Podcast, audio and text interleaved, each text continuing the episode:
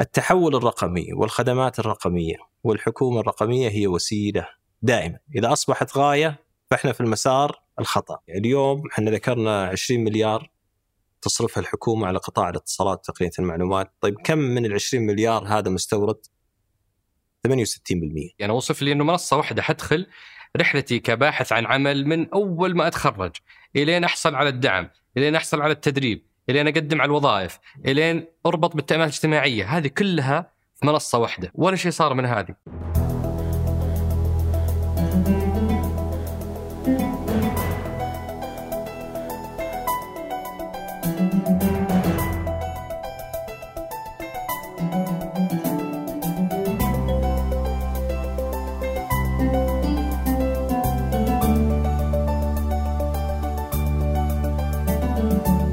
هذا سقراط من إذاعة ثمانية وأنا عمر الجريسي أستضيف قادة التحول وقادة الأعمال وقادة الرأي.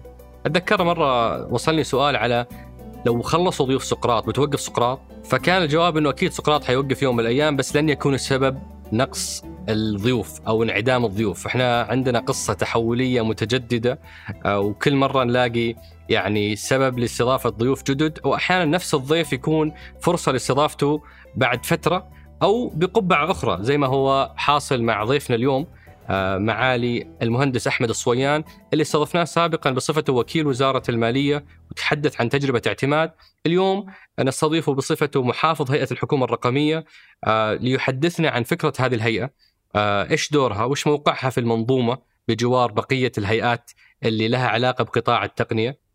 تكلمنا على أبرز التحديات موضوع احتكار الشركات الحكومية للبيانات للخدمات الحكومية على موضوع تعدد المنصات وإرهاق المستفيد من التنقل بين هذه المنصات، على أحيانا تنافس بعض التطبيقات الحكومية على نفس الموضوع، آه، سولفنا عن ترتيبنا في المؤشرات الدولية، سولفنا عن أهم الحالات اللي تعتبر قصص نجاح آه، حكومية جميلة في التحول الرقمي، وسولفنا عن أبرز التحديات وكيف يتم التعامل معها، وأخيرا تكلمنا عن مستقبل الحكومة الرقمية، كيف شكل الخدمات الحكومية الرقمية في عام 2030.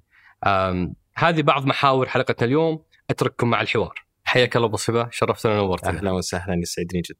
الله يحييك. إحنا ابو صبا الحلقة الماضية اللي كانت في سبتمبر 2020 كنا نسولف على موضوع تحدي إدارة الوقت وتوزيع الوقت على المسؤوليات الأسرية والاجتماعية والعمل في منظومة عمل مرة متطلبة زي اللي قاعد يصير الآن في الرؤية حتى آخر مشية مشيناها في حي السفارات صحيح. كان نفس النقاش فرق شيء؟ حليتوا المشكلة ولا لا زالت مشكلة؟ والله الوقت ما تغير إلى الآن 24 ساعة. فالمشكلة قائمة. والمهام تزيد ولكن بلا شك يعني وجود فريق متميز آه، يعني يتم الاعتماد عليه بشكل كبير.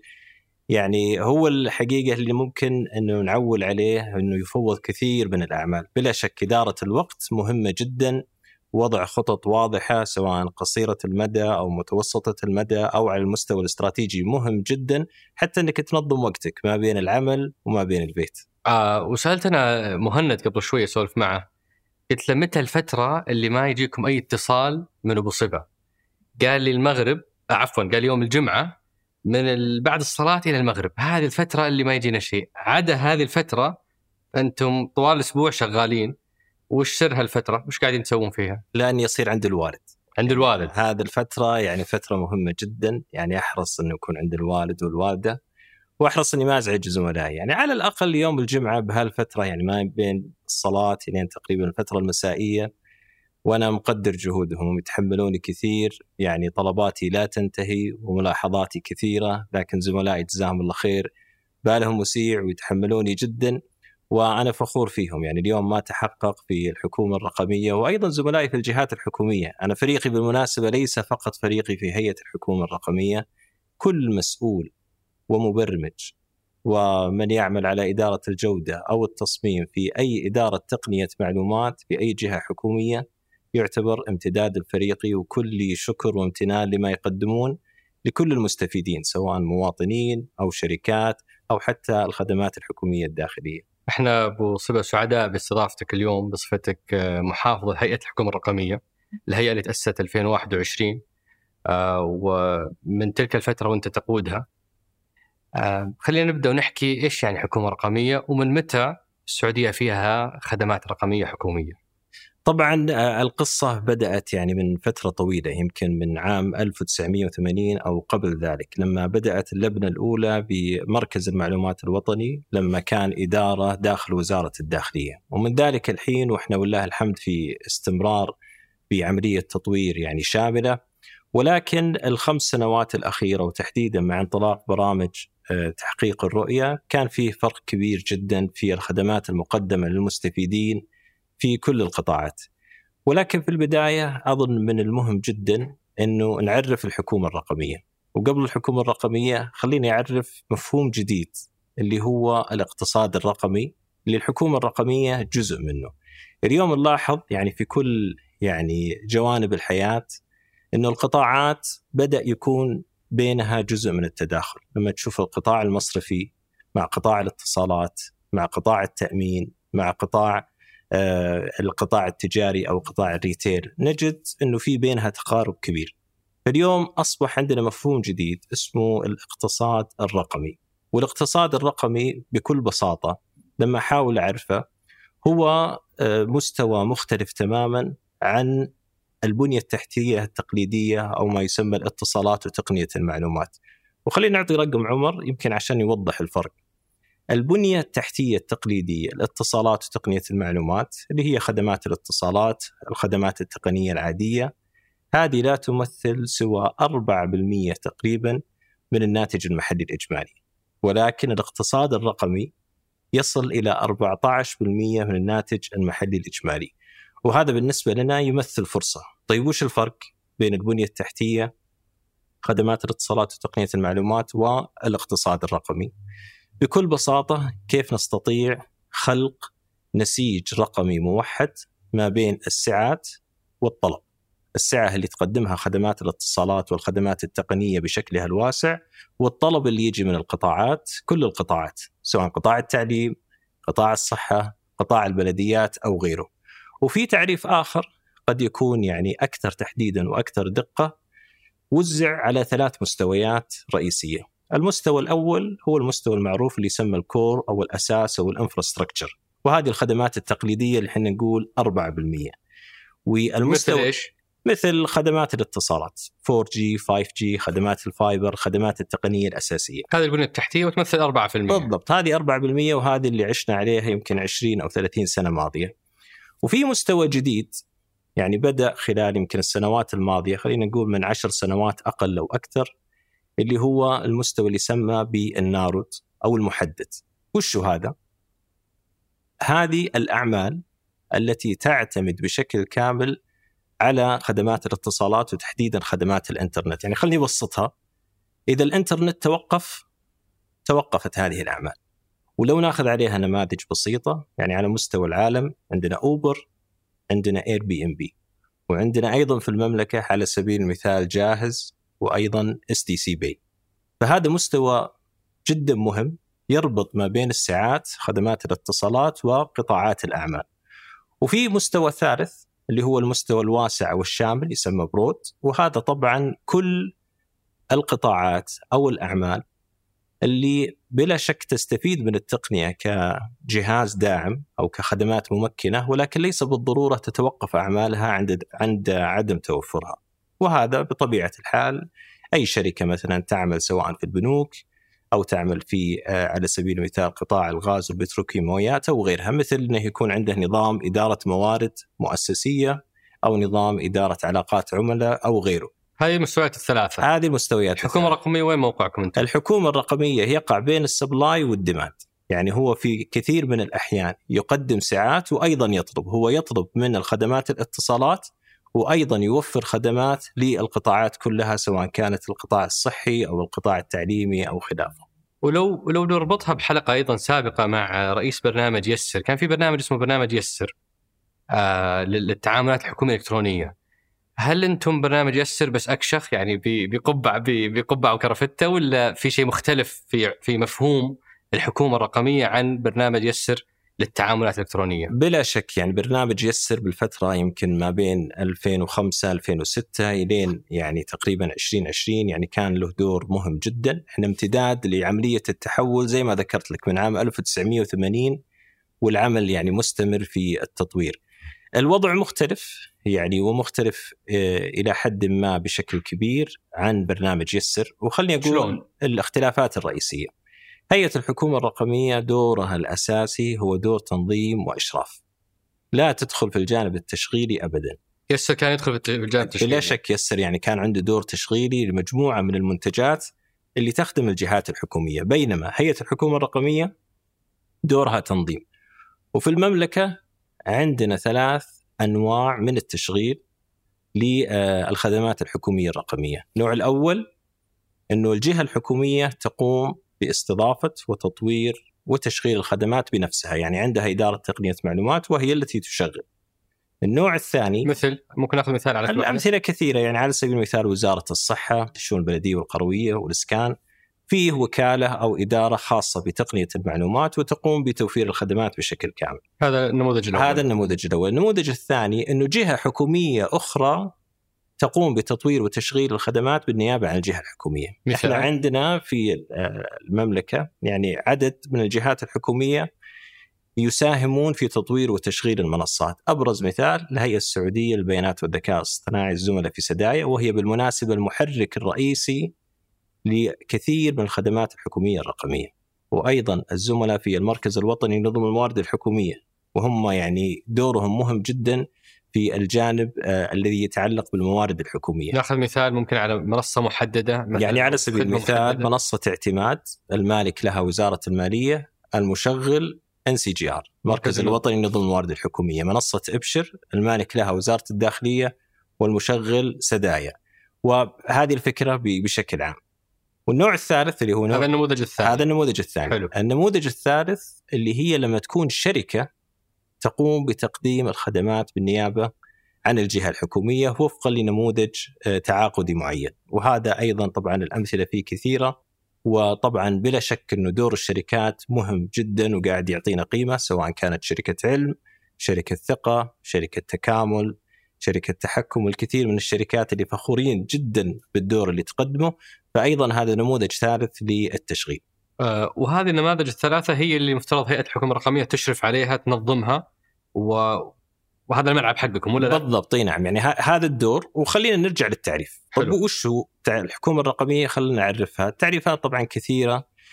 يمكن أبرزها تعريف الاو اي سي دي اللي هي منظمة التعاون الاقتصادي والتنمية. وش يقولون؟ يعني باختصار الاستفادة من التقنية كجزء أساسي من أعمال الحكومات أو استراتيجياتها لتقديم إيش؟ لتقديم قيمة. وقيمة هنا يعني آه، شاهد مهم جدا لكثير من الجوانب. ولكن أنا ببسط التعريف خليني أقولها بلغة أسهل. الحكومة الرقمية ثلاث مكونات وثلاث مستهدفات.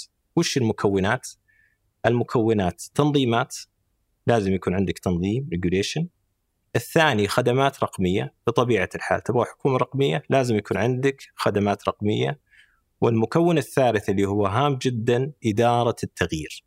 لازم يكون عندك مسار خاص لإدارة التغيير. وش الأهداف؟ الأهداف لازم أنك يكون عندك إنتاجية أفضل لازم يكون عندك كفاءة أعلى ولازم تحسن من التجربة. إذن كفاءة وإنتاجية وتجربة هذه الأهداف. أحسها كلها واضحة وحلوة. الثالثة موضوع إدارة التغيير هي اللي ودي لو تسولف لنا فيها أكثر لأنها يعني شوية مثيرة. إدارة التغيير هي الأهم. من السهل جدا أنك تسوي تنظيمات. تحط سياسات تحط معايير تحط ضوابط. من السهل أنك تطور خدمات ولا حتى تشتري منتجات تقنية وتقول هذه المنتجات التقنية ممكن أني أقدمها. إدارة التغيير أساس لكل نجاح. إدارة التغيير إذا ما كان عندك تدريب واضح وتواصل مع ملاك الأعمال والمستفيدين وكل الشرائح اللي أنت تحتاج أنك تتأكد أنهم يدخلون معك ست- ستواجه مقاومة وراح يكون يعني عندك تحدي كبير جدا هذا من جانب عمر في جانب ثاني مهم جدا دائما ليس فقط في الحكومة ولكن أيضا في القطاع الخاص ممكن أن نقع فيه. إنه يتحول التحول الرقمي أو الخدمات التقنية هدف بذاته. متى ما تحول يعني الخدمات الرقمية أو التحول الرقمي إني أنا والله هدفي إني أسوي تحول رقمي اذا أنا في المسار الخطأ. التحول الرقمي والخدمات الرقمية والحكومة الرقمية هي وسيلة دائما، إذا أصبحت غاية فإحنا في المسار الخطأ. الهدف لازم يكون عندك إنتاجية كفاءة. لازم يكون عندك كفاءة ولازم يكون عندك تجربة أفضل. بعض الأحيان نجد تنافس إنه والله إحنا نبغى نوقف ورق. نجد تنافس اني لا والله أنا لازم أشتري تقنية معينة ولا لازم أطور تقنية معينة. يجب أن يكون عندك مركزية مستفيد واضحة أن تبدأ من المستفيد واحتياجات المستفيد وقطاعات الأعمال وبعدين تشوف الحلول المطلوبة حتى أنك تصنع القيمة وتقدمها بشكل واضح. ما زلنا نحاول نتعرف على الهيئة ونفهم دورها وبعدها حندخل على أهم ما تحقق فيمكن آخر سؤال عندي في هالجانب أبغى أفهم المنظومة يعني آه، الفترة الماضية كثير هيئات لها علاقة بالقطاع تقنية المعلومات أو قطاع التقنية بشكل عام تأسست وما صرنا عارفين وش الحدود الفاصلة. فعندنا هيئة الأمن السيبراني عندنا هيئة البيانات والذكاء الاصطناعي سدايا عندنا هيئة الحكومة الرقمية عندنا هيئة الاتصالات وتقنية المعلومات عندنا وزارة الاتصالات وتقنية المعلومات آه، عندنا آه، يعني هيئة الفضاء الآن دمجت معاهم بشكل أو بآخر. ودي أفهم كذا بشكل مبسط وش دور هذول اللاعبين المختلفين وليش عندنا هذا العدد آه، الكبير نسبيا أو من وجهة نظري في الهيئات المنظمة. ممتاز، أنا في البداية يمكن خليني أتكلم عن منظومة الاتصالات وتقنية المعلومات أتذكر آسف لو قاطعتك يعني معالي السواحه في مؤتمر ميزانية رسمها بشكل حلو، رسم ثلاث دوائر آه، آه، دائرة الابتكار ودائرة تقنية المعلومات ودائرة الفضاء وفي النص كان تقاطعاتهم كلهم الاقتصاد الرقمي. هذه هذه الثلاث مناطق اللي هو مسؤول عنها ولا لا؟ ثلاثة فروع رئيسية. أي. الاقتصاد الرقمي الابتكار والفضاء. أوكي. هذه الفروع الرئيسية أو المسارات الرئيسية اللي نعمل عليها. وبالمناسبة خليني أتكلم عن المنظومة. المنظومة العمل فيها يمثل شرفة على المستقبل. آه، دائما كلنا حماس خلية نحل لا تنام. دائما عندنا هدف نحققه بشكل سريع جدا وبجودة عالية. لا يهم آه، المستوى ولا يهم يعني الجانب الإداري نحط هدف ونستطيع تحقيقه وعندنا ثقافة يعني مختلفة بشكل كبير. بيئة تشجع على البحث والتجربة نسمح بارتكاب الأخطاء الجديدة ولذلك يعني ما عندنا والله هذا في الجهة الفلانية خلاص هذا اختصاصه ولا هذا والله في المكان الفلاني هذا اختصاصه.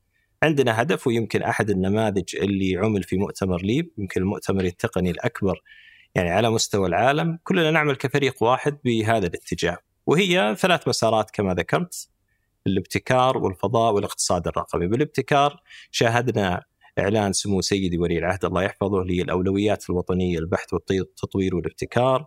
وشفنا إطلاق الكراج اللي اليوم فيه ستارت شركات ناشئة ليس فقط سعودية ولكن من حول العالم. وأيضا الفضاء يمكن هاليومين شفنا الرحلة آه، التاريخية الحقيقة لريان برناوي وعلي القرني اللي الحمد لله وصلوا بالسلامة من محطة الفضاء الدولية. وأنا أتمنى أن يكون في فرصة لأصحاب المعالي الدكتور منير الدسوقي أبو عمر وأيضا عاونا عليهم أكيد تكفى. وأيضا أبو فارس ما يقصرون بس يعني لسه ما بالعكس أنا أعتقد الابتكار والفضاء فيها فرص كبيرة وفيها تفاصيل كثيرة هم أفضل من يتحدث عنها. ولكن آه، أرجع للاقتصاد الرقمي والجهات اللي في المنظومة، يمكن في ثلاث مستويات بوليسي ميكر أو صانع سياسات والمنظم القطاعي والمشغل. وفي جانب آخر ما بين الوطني والقطاعي. اليوم البوليسي ميكر هي وزارة الاتصالات وتقنية المعلومات، ما في شك إنه هو يعني صانع هذا السوق وفيه منظمين قطاعيين، يعني على سبيل المثال هيئة الاتصالات والفضاء والتقنية هي مسؤولة عن السعات، هي مسؤولة عن القطاع الخاص. بينما هيئة الحكومة الرقمية هي مسؤولة عن الجهات الحكومية. فاحنا نمثل هنا أكثر الطلب والسعات الشركات موجودة عند السعات تقصد فيها البنية التحتية البنية التحتية مزودين الخدمات الشركات اللي في القطاع الشركات اللي في القطاع هم يجهزون الشركات وإحنا نعمل مع الجهات الحكومية ويكون دائما في بيننا تواصل ومواءمه كاملة. أيضا دور مهم للزملاء في سداي الهيئة السعودية للبيانات والذكاء الاصطناعي وعندهم أدوار مختلفة هم مشغل ما في شك للخدمات الرقمية على مستوى الحكومة ولكن أيضا عندهم دور تنظيمي وطني على مستوى البيانات وهو منظم وطني للبيانات وهم أيضا يشغلون خدمات حكومية رقمية مثل قناة التكامل الحكومي مثل الشبكة الحكومية الموحدة مثل أبشر توكلنا وإحسان وغيرها من منصات وطنية إحنا فخورين فيها جدا. أيضا الهيئة الوطنية للأمن السبراني دورهم وطني على مستوى الأمن السبراني وهم يعني دورهم جاي كذا عمودي فيرتيكال يعني بشكل آه، كامل على كل القطاعات حتى نضمن إن شاء الله إن عندنا الحماية والأمن المطلوب.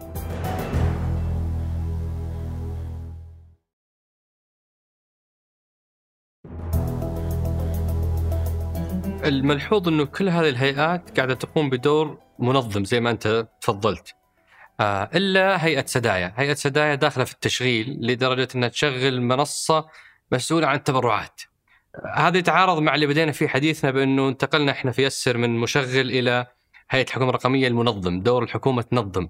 ليش سدايا الاستثناء الوحيد اللي قاعد يدخل في التشغيل ويسوي توكلنا ويسوي إحسان ويسوي منصات مختلفة، ما تحس في تعارض هنا؟ لا بالعكس أنا أشوف إنه داخل سدايا في حوكمة منضبطة بشكل كامل، لو تدخل جوا سدايا داخل سدايا في مكتب البيانات الوطنية وأيضا داخل سدايا في جهاز خاص بالتشغيل اللي هو مركز المعلومات الوطني اللي هو بدأ من سنوات طويلة، فالمسؤول عن التنظيم هو مكتب البيانات الوطنية بقيادة أخوي معالي الدكتور طارق الشدي والمسؤول عن التشغيل اللي هو مركز المعلومات الوطني بقيادة معالي الدكتور عصام وقيت. والكل الحقيقة بإشراف معالي أبو عبد العزيز. الدكتور عبد الله شرف. اليوم هذه الجهات تعمل بس مع بعض يعني وفي بينها تنسيق عالي أنا لن أدعي اليوم أن على المستوى الشامل لا على مستوى الشركات ولا على مستوى الجهات الحكومية ولا على مستوى الوظائف سواء كانت تطبيقات أو منصات أو أمن سبراني أو بيانات. لا يزال هناك بلا شك فرص دائما أن نراجع وفرص للتطوير والتحسين. والمهم عندنا ما في شك المستفيدين وأيضا المستثمرين في القطاع حتى نضمن أن نقدم لهم أفضل خدمات وأفضل تنظيمات وأفضل بيئة استثماريه. جميل، يعني أنا لو بلخصها ابو صبا فيه بنية تحتية وسعة أو شبكة آه، وهذه هيئة الاتصالات هي المسؤولة عن تنظيم اللاعبين فيها سواء شركات اتصالات أو شركات تقنية معلومات. صحيح. مرجعهم هيئة الاتصالات. أنتم هيئة الحكومة الرقميه المسؤولين عن كل الخدمات الحكومية الرقمية. بالضبط. أنتم المنظم لهذه الخدمات والمشرف نعم. عليها. وهذه الخدمات سينتج عنها بيانات المسؤول عن هذه البيانات هي هيئة ستايا هيئة البيانات والذكاء الاصطناعي مسؤوله عن إدارة وحوكمة كل هذه البيانات اللي تنتج عنها الخدمات الحكومية الرقمية. وفي كل هذا العالم الرقمي فيه خطر سيبراني ينتج عن إحنا صرنا اليوم موجودين في الفضاء الرقمي. فهنا دور هيئة الأمن السيبراني أن تضع السياسات اللي تحمي كل هذه المكتسبات الرقمية من الهجمات السيبرانية. كذا كذا بالضبط 100% ويمكن إضافة على اللي ذكرت الجهة المشغلة سواء كانت شركة أو حتى جهة حكومية إذا كان فيها خدمات حكومية رقمية هي دائما المسؤولة.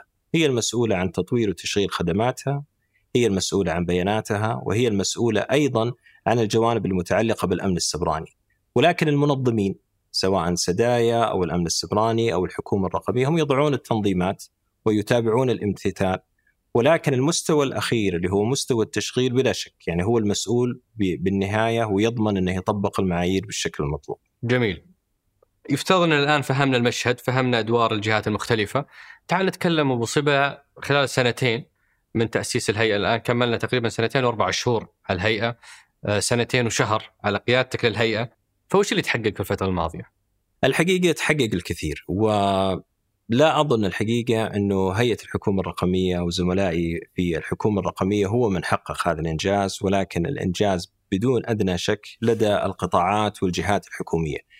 اليوم دورنا إحنا ممكن وداعم ونساعد على الجوانب اللي لها علاقة بالتنظيم والإشراف ولكن الأبطال هم الجهات الحكومية فاسمح لي اولا إني أبدأ مع الجهات الحكومية وإنجازات الجهات الحكومية بعدين نقول وش الحكومة الرقمية ساندت فيه. وخليني في البداية يمكن نتكلم عن القطاع الصحي. الأبطال في وزارة الصحة بقيادة معالي أبو فيصل جلاجل الحقيقة يعني آه عندهم مستشفى افتراضي هو الأكبر من نوعه في العالم يعني هذا المستشفى يربط أكثر من 160 مستشفى في المملكة ويقدم خدمات تتجاوز 200 خدمة. الهدف هنا ليس العمل الافتراضي ولكن بالنتيجة والأثر. يعني اليوم قاعدين نشوف عمليات جراحية لقلب مفتوح يتم إجراها عن بعد باستخدام المستشفى الافتراضي. وأيضا استطاعوا باستخدام هذه الخدمات الافتراضية أنهم يخفضون آه الاستخدام على الأسرة ويزيدون الساعات تقريبا ب 40% لما يتعلق بمرضى القلب. وأيضا اليوم 25% من المواعيد كلها تقدم افتراضيا وهذا الأثر اللي وصلنا له ولله الحمد. ويعني لو آخذ أيضا أحد النماذج في منظومة الصحة، الهلال الأحمر على سبيل المثال اليوم سيارة الإسعاف اللي نشوفها في الشوارع. يعني قاموا بنجاح جدا مبهر واستطاعوا إنهم يربطون هذه السيارة بالمستشفيات. فوش اللي حصل؟ أظن إنهم وصلوا تقريبا 30 مستشفى الآن. وعرضت بالمناسبة في مؤتمر ليب الأخير. الفكرة بشكل مختصر إن المستشفى يصير عارف بالحالة قبل ما يصل البريد أو تصل حالة إلى المستشفى. ليش؟ لأنه ما في شك فيه قراءات حيوية كثيرة، في مطلوب بيانات للطبيب والجهاز الطبي في المستشفى إنه يكون جاهز حتى إنه يتدخل تحديدا فيما يتعلق بالجلطات القلبية. طيب لما ربطنا السيارات بالمستشفيات وش اللي صار؟ استطاعوا يقللون الفترة اللي يحتاجها الطبيب أو المستشفى فترة الاستجابة فترة الاستجابة من ست ساعات إلى ساعة واحدة. فهذا نجاح مبهر الحقيقة للزملاء في منظومة الصحة وإحنا بالمناسبة عرضناها في جارتنر سيمبوزيوم العام الماضي الزملاء في الصحة هم من عرض آه والحقيقة كانت مبهرة جدا للدول الأكثر تقدما على مستوى الخدمات الرقمية في العالم وكيف ان استطعنا من خلال الأبطال في وزارة الصحة انه نقدم نموذج رائد جدا. أنا أتذكر على آسف لو قاطعتك على هذا المثال زرت المهندسه منى السبيعي. صحيح. وهي من قدم بالمناسبة في برشلونة. يعني هي مديرة المستشفى الافتراضية أخذت في يعني أخذت فيني جولة على المستشفى شفت حالات محددة لأشخاص قاعدين يتعالجون في صعوبات النطق في في الصوت في أشياء في حالات تبدو إنها بسيطة لكن أثرها على الإنسان جوهري في اجتماعيا وفي مخالطته للناس وحديثه مع الناس. وشفت يعني بشكل مباشر لايف زي ما يقولون حالات والتطور اللي صار في هذه الحالات. وروني مثال كان مبهر في موضوع إنه أحيانا الرعاية التلطيفية أو الرعاية السريرية لشخص ما عاد يعني تحتاج تسوي له إلا إنك بس تراقب حالته. فوجود الأساور أو القراءات الحيوية ومتابعتها بشكل لحظي من المركز هنا لمدن ومحافظات في أنحاء المملكة كان عندهم سرعة استجابة أعلى من لما كانت المراقبة من المستشفى نفسه اللي موجود في المدينة لأنها قراءة رقمية أو أو إلكترونية فلحظيا أول ما يعني تراجعت قراءاته الحيوية هذا المريض مباشرة السوارة أو السنسر أو الحساس الموجود عنده أعطى إشارة فأنقذت حالات ما هي بسيطة. فصراحة تجربتهم جدا ممتازة ومشرفة. بس عشان أفهم دور الحكومة الرقمية إيش كان دورها في مثل هذه القصة؟ عشان ناخذها كمثال لعلاقتكم أنتم بالخدمات الحكومية الرقمية اللي قاعدة تقدمها الجهة. بلا شك الدور يعني هو توفير التنظيمات المطلوبة، يعني العمل مع الزملاء في وزارة الصحة لتقديم كل الدعم اللي هم يحتاجونه. الجوانب اللي متعلقة أيضا في المشتريات والميزانية، العمل أيضا على تدريب الكوادر.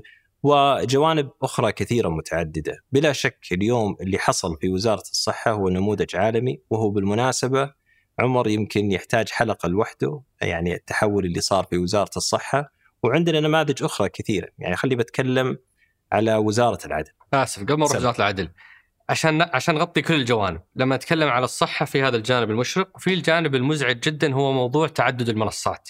يعني بالذات وزارة الصحة جهاز مرتبط ب ناس عادة أكبر سنا أقل احتكاكا بالخدمات الرقمية.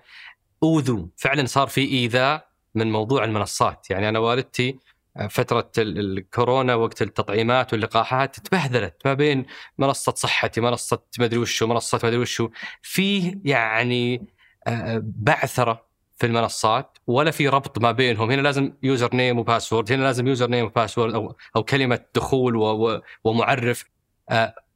فعلا صار الموضوع أسوأ وأكثر مشقة من لما كانت آه، آه، بالطريقة التقليدية. وهذا يتعارض مع اللي تو حكينا عنه في البداية إنه يفترض انها تعطي تجربة مستخدم أعلى، اللي صاير في الصحة مؤذي جدا. أنا أعتقد إنه بحول الله تعالى الزملاء تجاوزوا ذلك وإحنا عملنا معهم بشكل مفصل على وضع يعني خارطة طريق واضحة جدا. وقبل أيام الزملاء عرضوها في لجنة التحول الرقمي.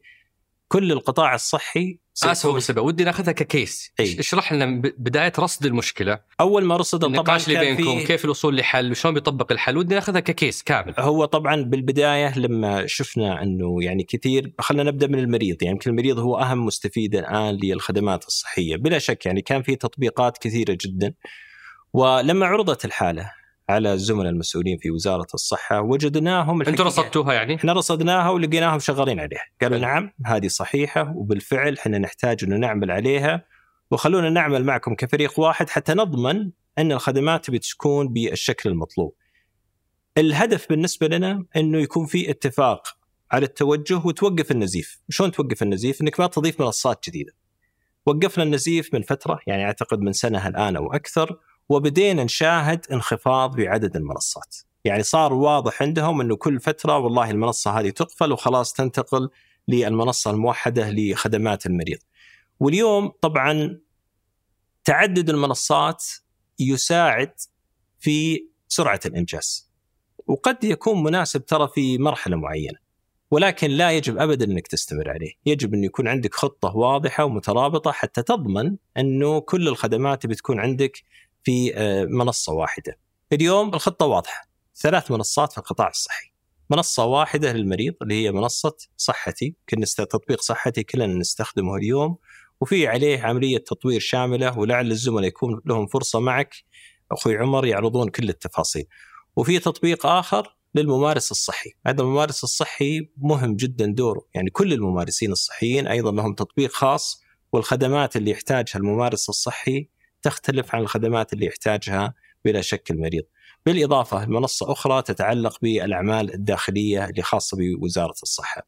فاليوم إحنا هذا العمل اللي عملنا هذه النتيجة اللي وصلتوا هذا. النتيجة ثلاث. منصات بالضبط إي نعم يعني مقارنة بكم منصة أعتقد؟ إنه كانت تتجاوز 20 20 يمكن منصة. فقط للمريض تتجاوز 20 واليوم يعني شفنا النتائج هذه والعمل الحقيقة في نموذج تحولي شامل في وزارة الصحة متى تصير بس تطبيق واحد؟ أعتقد قريبا جدا يعني يعني هل هل لما تشتغلون معاهم تحطون خط خط شك. زمني أو خطه إحنا زمنية؟ عندنا طال عمرك اتفاقيه نوقعها. يعني وقعنا مع كل الزملاء يعني اللي صار عندنا اتفاق واضح لما يتعلق دمج المنصات وخلني أعطيك يمكن بالمجمل كل الجهات الحكومية.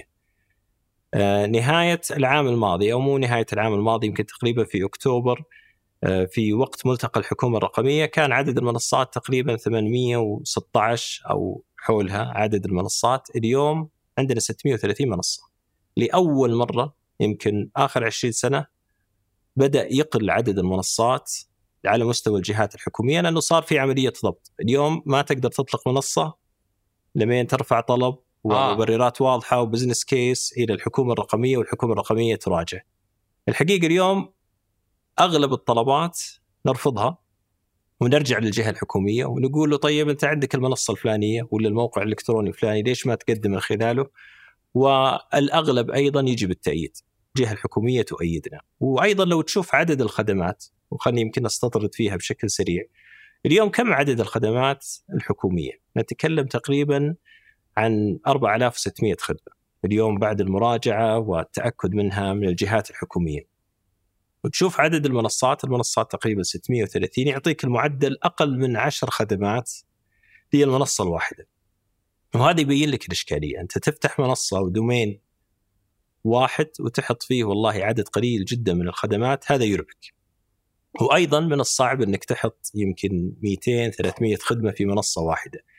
هذا هو برنامج الحكومة الشاملة اليوم نعمل عليه مع الشركاء في الجهات الحكومية ويمكن بستطرد عليه بس ودي أكمل إيه إن سمحت لي القطاعات إحنا قلنا الصحة بس. ما نبغى ننسى البقية أكيد، لأنهم أكيد. أيضا متميزين وزارة العدل. وزارة العدل اليوم 95% من الجلسات القضائية تقدم عن بعد. و100% من الخدمات تقدم بشكل إلكتروني. طيب هل هذا إنجاز؟ بلا شك وزارة العدل ما يشوفون إن هذا إنجاز. الإنجاز الحقيقي وشو؟ إنه اليوم استغنوا عن زيارة 18 مليون مراجع إلى المحاكم سنويا. انت متخيلها عمر؟ 18 مليون مراجع اليوم ما يحتاج يجون المحاكم. وليس هذا فقط لما نتكلم عن القيمة والأثر والكفاءة والإنتاجية لو ناخذ على سبيل المثال في محاكم الأحوال الشخصية.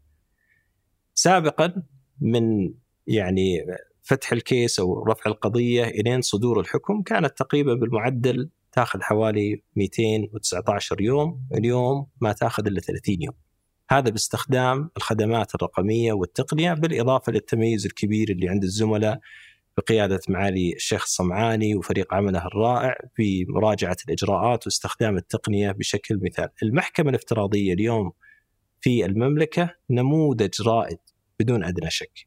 اليوم لما نشوف المعايير والمتطلبات الدولية في المؤشرات الدولية نفخر جدا بقصة النجاح اللي في الصحة وأيضا قصة النجاح اللي في العدل وقصص النجاح الأخرى اللي خليني أمر عليها أيضا بشكل سريع. أنا ما ودي أنسى وزارة الداخلية.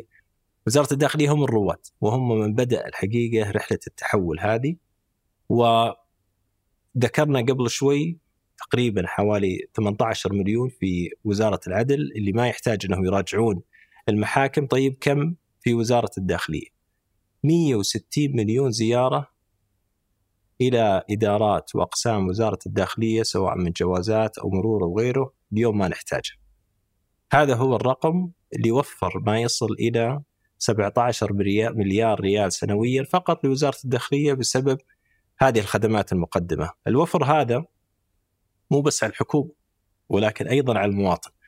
وهذا له أثر واسع، الأرقام اللي نذكرها اليوم في العدل وفي الداخلية وفي الصحة وفي القطاعات الأخرى هذا يقلل الانبعاثات الكربونية هذا يخفف من الزحام هذا يساعدنا على تقليل التكلفة ورفع الكفاءة والإنتاجية بشكل كبير وهذا اللي نشوفه اليوم بأثر واضح الحقيقة في قطاعات مختلفة.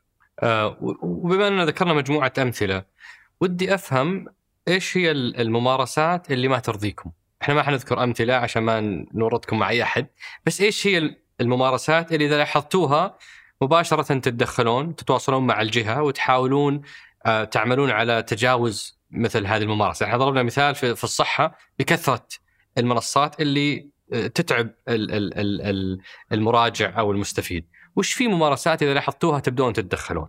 ممتاز، طبعا إحنا اليوم عندنا برنامج الحكومة الشاملة يتعلق بحوكمة المنصات، عندنا برنامج آخر مهم جدا اللي هو رحلات الحياة.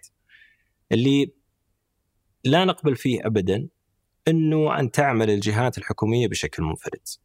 اليوم لا يهم من هي الجهة الحكومية اللي تقدم الخدمة ولا يهم أيضا وش المنصة اللي تقدم الخدمة. أنا قدامي حكومة المملكة العربية السعودية. حكومة المملكة العربية السعوديه هذه ما تدخلون فيها. بالضبط سيفين ونخلة إحنا نقدم خدمة واحدة، ما يهم، إحنا ما بين بعض الجهات الحكومية وما بين يعني قنوات التواصل ما بيننا المفروض أن ننجز العمل ونعطي التجربة والكفاءة والإنتاجية. فهذا اللي اليوم ما نقبله ونسعى طبعا مع شركائنا في الجهات الحكومية كلها لضمان يعني تقديم الخدمة بالشكل المطلوب، وش رحلات الحياة؟ والحمد لله صار فيها نجاح سواء في الإسكان ولا أيضا في المواليد، خليني أخذ على سبيل المثال المواليد، هذا عمل مميز ما بين وزارة الصحة والمستشفى اللي يتبع وزارة الصحة وما بين وزارة الداخلية ووكاله الأحوال المدنية، اليوم المولود تدخل على منصة واحدة اللي هي منصة تبشر وتوصل لك شهادة الميلاد وكرت العائلة بشكل واحد، ما يحتاج تروح لوزارة الصحة ولا تروح للمستشفى. هذا ربط كامل من خلال الخدمات والأصول التقنية اللي موجودة عندنا اللي يساعدنا نقدم الخدمة بالشكل المطلوب. فاليوم اللي نسعى له وأيضا لا يزال أمامنا عمل كبير في المستقبل إنه نضمن إنه اليوم في عمل مشترك وتنسيق ومواءمه كاملة ما بين كل الجهات من خلال برنامج الإصلاحات ورحلات الحياة حتى نضمن إن الخدمات مقدمة بالشكل المثالي للمستفيد. وإحنا أيضا نسمع للمستفيد، يعني غير برنامج الحياة إحنا عندنا قنوات متعددة نضمن إن نسمع بالشكل المثالي للمستفيد، فإذا لاحظنا وجود مشكلة يتم رصدها بشكل مباشر، التواصل مع الجهة الحكومية، تقديم الدعم اللازم للجهة الحكومية حتى نضمن إنه ما في تأخير وبالتالي معالجتها بالشكل المطلوب وأرغب اؤكد إنه صراحة لا نجد إلا استجابة مباشرة ودعم كامل وتواصل ولله الحمد الأغلب يتم حله بوقت قصير جدا.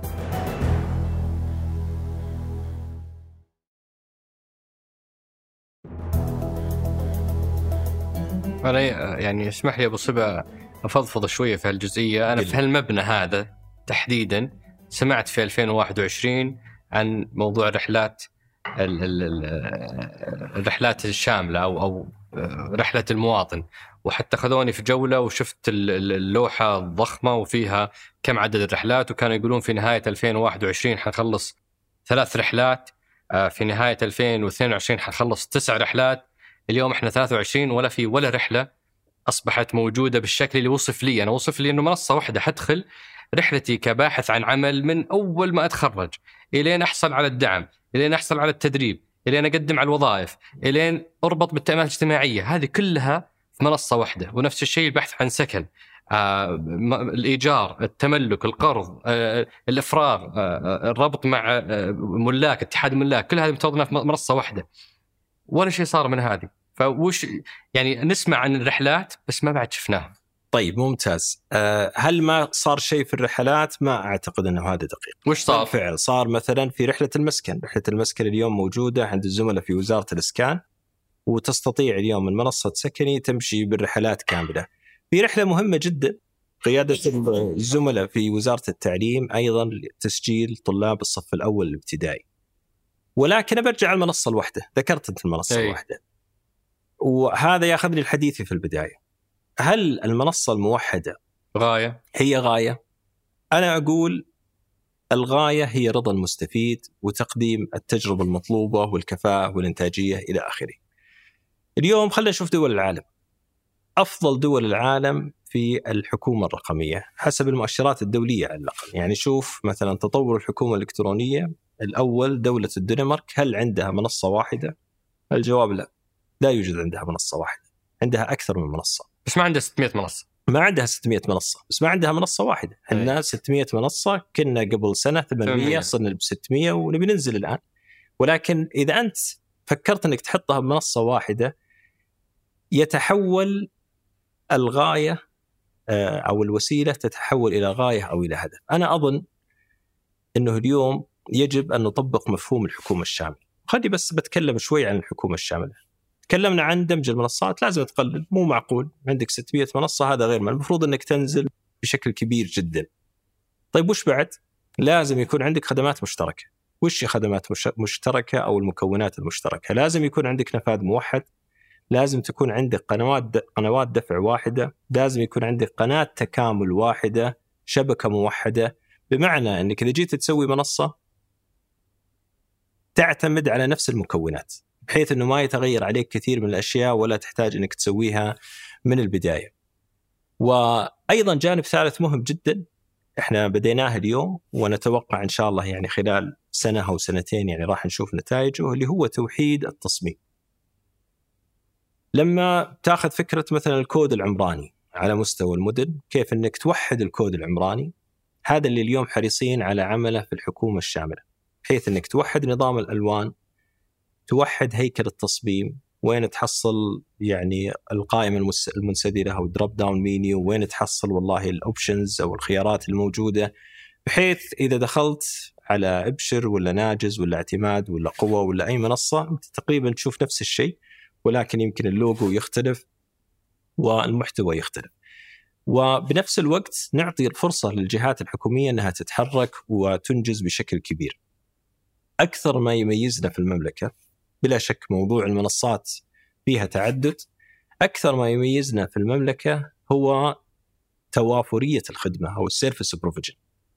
ويمكن ندخل على بعض الأمثلة اللي نقارن مع دول العالم وخلني يعني مثلا على سبيل المثال آخذ آه، تجديد إصدار وتجديد رخصة القيادة.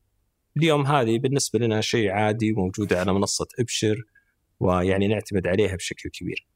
اليوم هذه الخدمة غير متوفرة في أفضل دول العالم اللي هي دولة الدنمارك في الحكومة الرقمية ولكنها موجودة عندنا اليوم. وهذا واضح. اليوم على سبيل المثال لو اباخذ الوكالات وإحنا زملاء في وزارة العدل قبل أربع سنوات أوقفوا آخر وكالة. في المملكة المتحدة يو كي لا يوجد عندهم وكالات رقمية. بل أنك قد تحتاج أنك توكل محامي حتى أنه يروح المحكمة ويخلص لك الوكالات بالشكل المطلوب.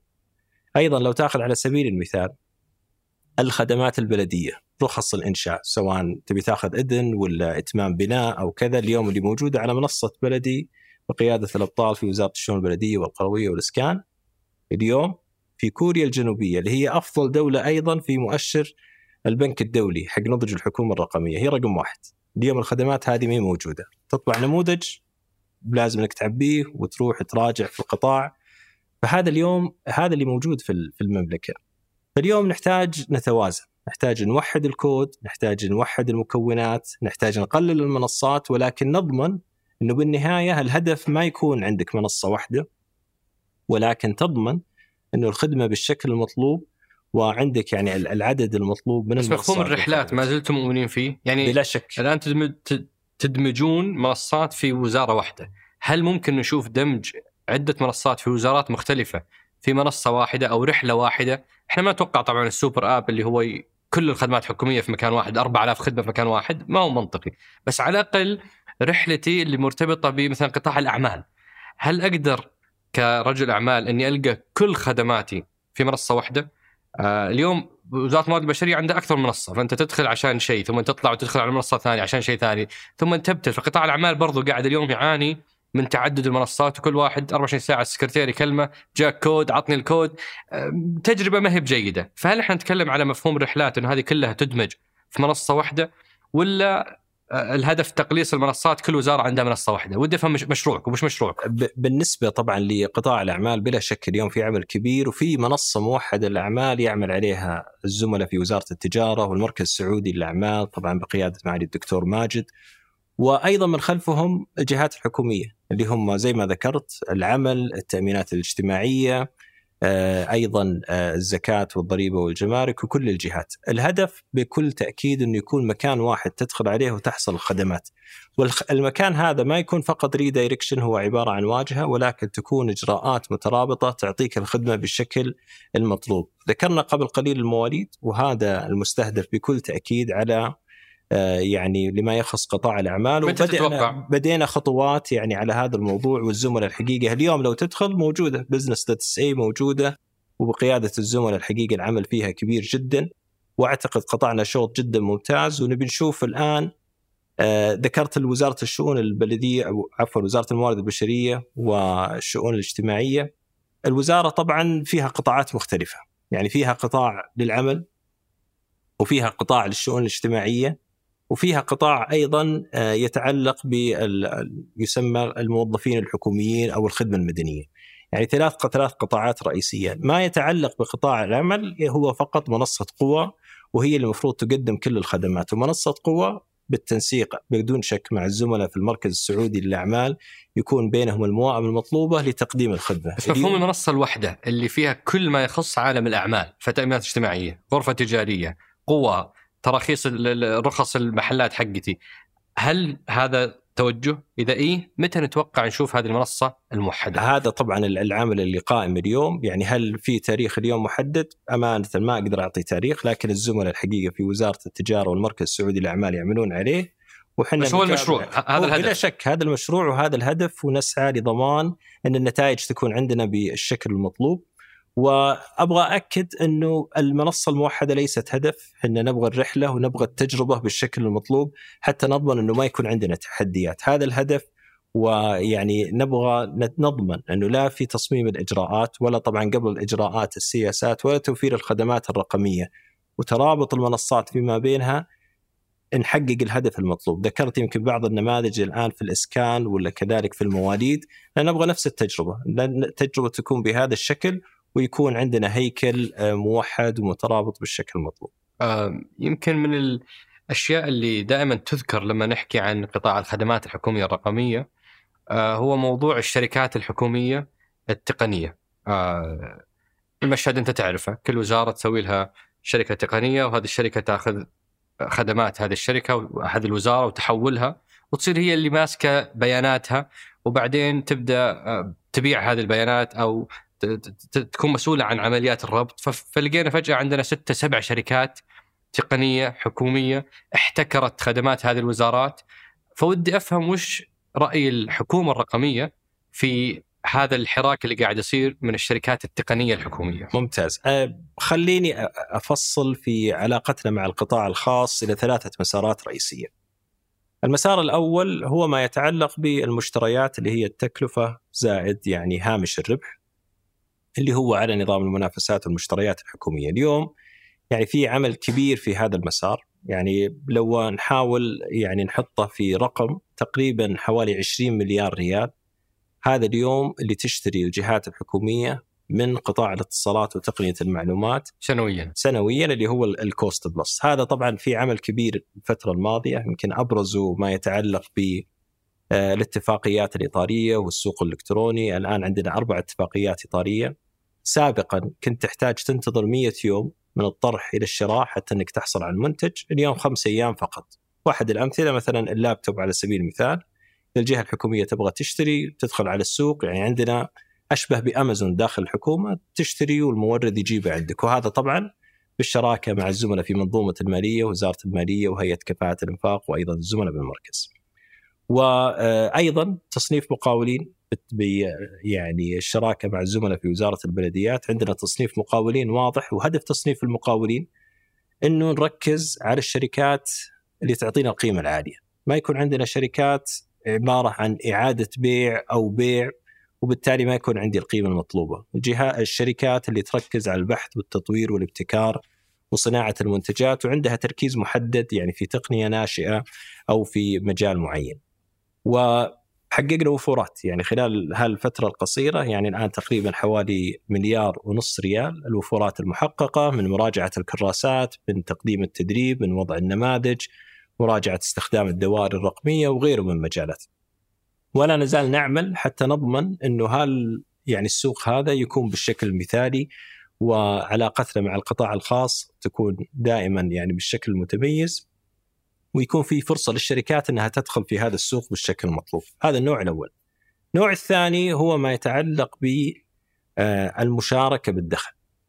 يعني نماذج المشاركة بالدخل اللي هي أيضا ترتبط بنظام المنافسات والمشتريات الحكومية وأيضا آه، بالقرار الوزاري الصادر من معالي وزير المالية أبو فيصل. وهذا طبعا مسار مهم جدا. آه، اليوم بلا شك فيه مشكلة وفيه تحدي. اليوم فيه احتكار.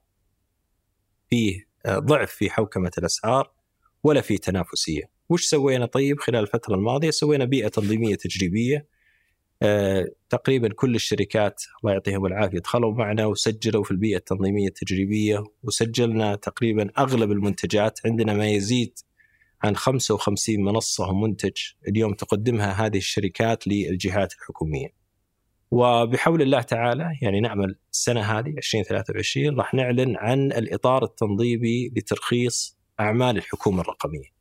اللي هو راح يعالج التحديات اللي موجودة اليوم وأنا أؤكد فعلا إنها موجودة ونحتاج إنه ما يكون عندنا احتكار وتكون الأسعار منطقية جدا وأيضا ما يكون عندنا تحديات لما يتعلق بجوانب التنافسية ووجدنا الحقيقة من كل الشركات كل التعاون وكل الشراكة دورهم مهم جدا كان خلال يمكن العشرين سنة الماضية وسيظل دورهم مهم جدا في المستقبل وهم شريك أساسي ونعمل معهم بإذن الله لتقديم القيمة الكبيرة. النوع الثالث غير ال cost plus وغير ال revenue sharing، النوع الثالث هو ما يتعلق بإتاحة الأصول الرقمية وهذا مهم جدا لرواد الأعمال.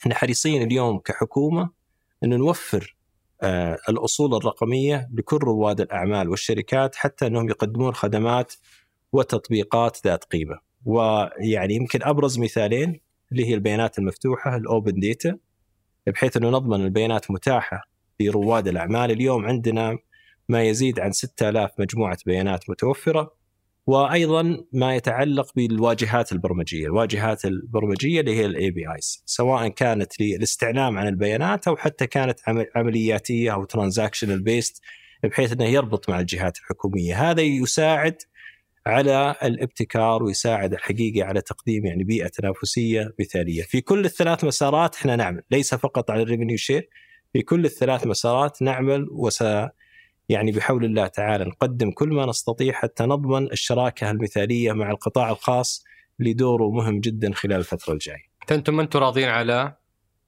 الممارسات الاحتكارية من شركات اللي مربوطة بوزارات محددة؟ بلا شك بلا شك. اليوم نعتقد أنها فترة ويعني قد يكون لها أسبابها الفترة الماضية. اليوم نرغب المراجعه ونرغب فتح السوق ونرغب يكون في حوكمة للأسعار وبالنهاية هي أصول حكومية. وسنضمن بإذن الله طبعا آه، أنا عندي قناعة كاملة إنه سيكون أو لا يزال هناك فرصة للنمو والتوسع لهذه الشركات حتى مع وجود التنظيم لما يتعلق بهذه الاصول. الفرصة اليوم موجودة والقطاعات يعني ما شاء الله واعدة، عندنا قطاعات كبيرة اليوم واعدة داخل الحكومة وفيها استثمار كبير وأنا متأكد إن هذه الشركات دور مهم جدا. هو الخطورة مصيبة وأنت اخبر مني يمكن هذا كذا استطراد على جنب، كنا نسولف في مجلس فكانوا يقولون إنه خطورة هذا النموذج إنه قاعد يصنع زي ما صار مثلا في آه، طفرة ال 2005 إلى 2015 الطفرة هذه كانت كل المشاريع الحكومية قاعدة تتركز على شركتين مقاولات. كبرناهم ضخمناهم آه، ما أعطينا فرصة لباقي السوق. آه، وصرنا أسرى لهم لما طاحوا. انكشف قطاع المقاولات واكتشفنا إنه ما عندنا أحد مؤهل قادر يبني. مرت الطفرة ولا صنعنا أبطال في قطاع المقاولات. ما نبغى طفرة الحكومة الرقمية والتحول الرقمي تعدي ونكتشف إنه ما عندنا إلا ثلاثة أربع لاعبين عايشين على وزارات محددة. وحتى هم هذول ما قدروا يبيعون برا حدود الوطن آه، لأنهم خلاص شبعانين بالعقود اللي هنا. لم تبنى عضلة التسويق، البيع للخارج، آه، آه، المنافسة مع على مستوى إقليمي ومستوى دولي، لأنه خلاص هو شبعان بالعقود اللي قاعدة تجي من هالجهة. وطفشنا القطاع الخاص طفشنا الشركات الصغيرة والمتوسطة طلعناهم من السوق لأنه هذا جالس على بحر من البيانات محتكرها الحالة وعقود مليارية سنوية فالمشهد للجميع خسارة مضاعفة، المستفيد الوحيد هي الوزارة لأنها لقت أحد توظف فيه موظفينها برواتب عالية وتجيب فيه مواهب. فيعني المشهد فعلا ما هو صحي وآثاره الاقتصادية خطيرة ومن زمان نسمع عن كلام فيه حتى حلقتي مع معالي آه، عبد العزيز الزوم آه، هيئة آه، التنافسي هيئة المنافسة. كان في حديث على هالجانب بس اللي واضح إنه الكعكة قاعدة تكبر لهذه الشركات ما هو العكس. حتى الظاهر أنتم أول شركات رخصتوها هي علم وثقة وتكامل. فيعني ما زلنا في نفس البحر ندور على هالأسماء هذه. فهذا يمكن مدخل جيد على موضوع التراخيص وش كانت الفكرة من ترخيص لها الشركات طبعا آه، أنا ما أظن إن التحدي بهذا المستوى مقارنة مع قطاعات أخرى يمكن ذكرت المقاولات في فترة سابقة. آه لا التحدي إن شاء الله يعني قادرين على السيطرة عليه. آه لا يزال في دور كبير لشركات من القطاع الخاص بالإضافة إلى الشركات الحكومية ويتم الاعتماد عليها بشكل كبير. البيئة التنظيمية التجريبية ليش رخصنا للشركات هذه؟ إحنا رخصنا عشان ننظم. ما كنا نعرف البيانات يعني أول سؤال طيب وش الخدمات هذه؟ كم مقابلاتها؟ وش تصميمها؟ وش تفاصيل العقود؟ هذا فكرة البيئة التنظيمية التجريبية. أنت الآن تبغى تعرف الأساس حتى تستطيع أنك تخطط المستقبل وتبدأ يعني بشكل يعني مدروس وواضح ومتدرج يعني تفصل وش الخطوات اللي تحتاج أنك تسويها. هذه الشركات دخلت و يعني سجلت معنا بشكل كامل والتفاصيل اليوم موجودة والآن في الاعتمادات النهائية. إن شاء الله قريبا بإذن الله وخلال هذا العام نبدأ الإطار ونبدأ عملية ال transition. وال transition صعبة.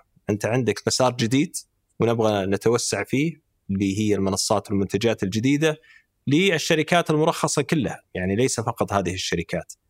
وطبعا عندنا المسار العقود القائمة وكيف ننقل العقود القائمة من وضعها الحالي إلى وضعها الجديد، إحنا أيضا حريصين إنه نضمن إنه ما في تأثير على الخدمات، إحنا بالنهاية المستفيد يهمنا بشكل كبير ونبغى نضمن إنه العملية الجراحية هذه تتم يعني بشكل مثالي. أه ودي أسألك مين يملك البيانات؟ هل الوزاره كل وزارة تملك بياناتها؟ ولا من هو المالك للبيانات اللي موجودة في الجهات الحكومية؟ هو طبعا أنا أعتقد إنه الوزارات هي المالكة للبيانات بلا شك يعني اليوم الوزارة هي تملك الخدمات تملك البيانات الوزارة أو أي جهة تملك الخدمات تملك البيانات وطبعا في تنظيمات واضحة يعني لها مرجع واضح أه تحدد ذلك ويمكن التنظيمات تفصل يعني قد أكون أنا ما عندي التفاصيل بشكل كامل لكن الزملاء في مكتب البيانات الوطنية عندهم التنظيمات اللي تحدد يعني كافة الممارسات والإجراءات المطلوبة حتى إنك تتعامل مع هذه البيانات. أه ودي أفهم هنا وش عادة دوركم في مثل الحالات، أنا على سبيل المثال زرت منصة آه، الحوادث المرورية في آه، مركز السلامه المرورية أعتقد كذا اسمه وكان عندهم داشبورد رائع جدا على موضوع الحوادث المرورية وتوزيعها الجغرافي وتوزيعها آه، الزمني وتوزيعها مناطقيا. كانت منصة رائعة جدا. قلت لهم ما شاء الله هذه كل حوادثنا؟ قالوا لا هذه بس اللي تباشرها وزارة النقل. قلت طيب وين الباقي؟ ما قالوها بس اللي أنا فهمته إنه واضح الحوادث اللي عند البلدية ما أعطوهم access على هذه المعلومات، الحوادث اللي يباشرها المرور ما أعطوهم access على المعلومات، الحوادث اللي با- يباشرها الهلال الأحمر ما أعطوهم، فطلعت عندنا منصة مشوهة ما تعطي إلا جزء من المعلومة، بينما لو تداخلت كل هذه المعلومات في مكان واحد آه، لاصبحت القيمة من هذه المنصة أعظم بكثير. هل هذا ضمن ملعبكم؟ بما أنها منصة حكومية ولا هذه تبع هيئة البيانات؟ الزملاء طبعا اليوم في سدايا عندهم منصة استشراف على سبيل المثال، كل البيانات اللي تجي من كافة القطاعات حتى إنها تكون في منصة واحدة تساعدنا باتخاذ القرار ويعني آه، استخدمناها في آه، كثير من الحالات يعني سواء لا في التعليم لو في الإسكان أو في غيره بحيث إنه ناخذ البيانات من أكثر من قطاع وتكون موجودة عندنا في مكان واحد حتى ناخذ القرار المناسب. وبالمناسبة يمكن ذكرت قطاع النقل، قد لا يكون الحاجة عندهم إنه يحتاج كل البيانات موجودة، قد إنك كذا حطيت كل شيء اللي في البلديات واللي في المرور ويعني بيكون من الصعوبة التعامل مع اللوحة هذه لاحتياج آه، وزارة النقل أو هيئة النقل. هي على حسب الاحتياج، أنت وش تحتاج؟ اليوم ما في تحدي بتوفير البيانات. آه، التحدي اللي ذكرنا قبل شوي هو يتعلق بالنماذج التجارية، عندنا تح- تحدي في الاحتكار. صح. البيانات موجودة والجهات الحكومية تتناقل البيانات وعندنا بالمناسبة بنك بيانات وطني موجود عند الزملاء في سدايا والبيانات موجودة فيه متى ما احتجناها نستطيع أن نطلع فيها اي استخدام، التحدي تجاري ويتعلق في الاحتكار والتنافسية وهذا اللي إن شاء الله جاري العمل عليه. والتسعير تدخلون فيه؟ يعني كان كثير يتكلمون على تكلفة الربط مع أبشر ولا تكلفة الربط مع آه، منصة إكس أو واي أو زد إنها في رسم عالي جدا ولا يفرق ما بين شركة عملاقة وما بين شركة ناشئة. بلا شك هل تدخلون في هذا بلا الجانب؟ شك يعني هذا من الأهداف وطبعا تتكلم عن التحقق والنفاذ وكافة هذه الخدمات يعني إحنا حريصين اليوم إنه نراجع هالأسعار ونتأكد إنها يعني مناسبة للشرائح المحددة من المستفيدين وكل الخدمات الأخرى يعني حتى نضمن إنها بالشكل المثالي. أتذكر في وثيقة الرؤيه لما أعلنت آه لما أطلقت في, في أبريل 2016 كان أحد الأهداف ال- المنصوص عليها في عام 2030 هو آه آه أن نكون آه ضمن أفضل خمس دول في الحكومة الإلكترونية. وين وصلنا في المؤشرات الدولية؟ عندنا يمكن أربع مؤشرات دولية أو يمكن خلني قبل الدولي عمر خلينا نتكلم عن المحلي، وش تم. المؤشرات المحلية اللي اشتغلنا عليها حتى يكون عندنا ربط واضح مع المؤشرات الدولية. عندنا محليا أربع مؤشرات. المؤشر الأول هو قياس التحول الرقمي وهذا بلا شك إنه يستهدف الجهات الحكومية، يعني المنظم الحكومة الرقمية والجهة التي يتم العمل معها اللي هي ال- الجهة الحكومية، وهذا صار عليه تطور كبير ابتداء من عام 2021 هي السنة اللي انطلقت فيها الهيئة. واليوم يعني تحولنا إلى ال compliance based أو الامتثال، يعني الآن صار عندنا وضوح بالمتطلبات والاستجابة المطلوبة هذا أول. مؤشر مؤشر التحول الرقمي في الجهات. هذا أنتم التحول وضعتوه تقيسون الجهات. بالضبط طيب. مين أحسن ثلاث جهات في هذا المؤشر؟ أعتقد وزارة العدل كانت ال- الأولى في العام الماضي آه، الثانية أعتقد إنها وزارة الموارد البشرية القوائم طبعا كلها موجودة على موقع الهيئة يعني ممكن أي أحد يحصل عليها واعلنت في وقته حلو هذا المؤشر الأول. هذا الأول الثاني ما يتعلق بالمنتجات اللي هو نضج التجربة الرقمية هو السي إكس وش فرق النضج عن القياس النضج يركز على المنتج ويشرك المستفيد. الأول قياس يشوف الجانب المؤسسي. النضج لا يشوف المستفيد ورأي المستفيد ورضا المستفيد وتجربته. يعني على سبيل المثال العام الماضي اللي شارك معنا تقريبا حوالي 20 ألف مستفيد في تقييم المنصات كان عندنا أظن 12 منصة.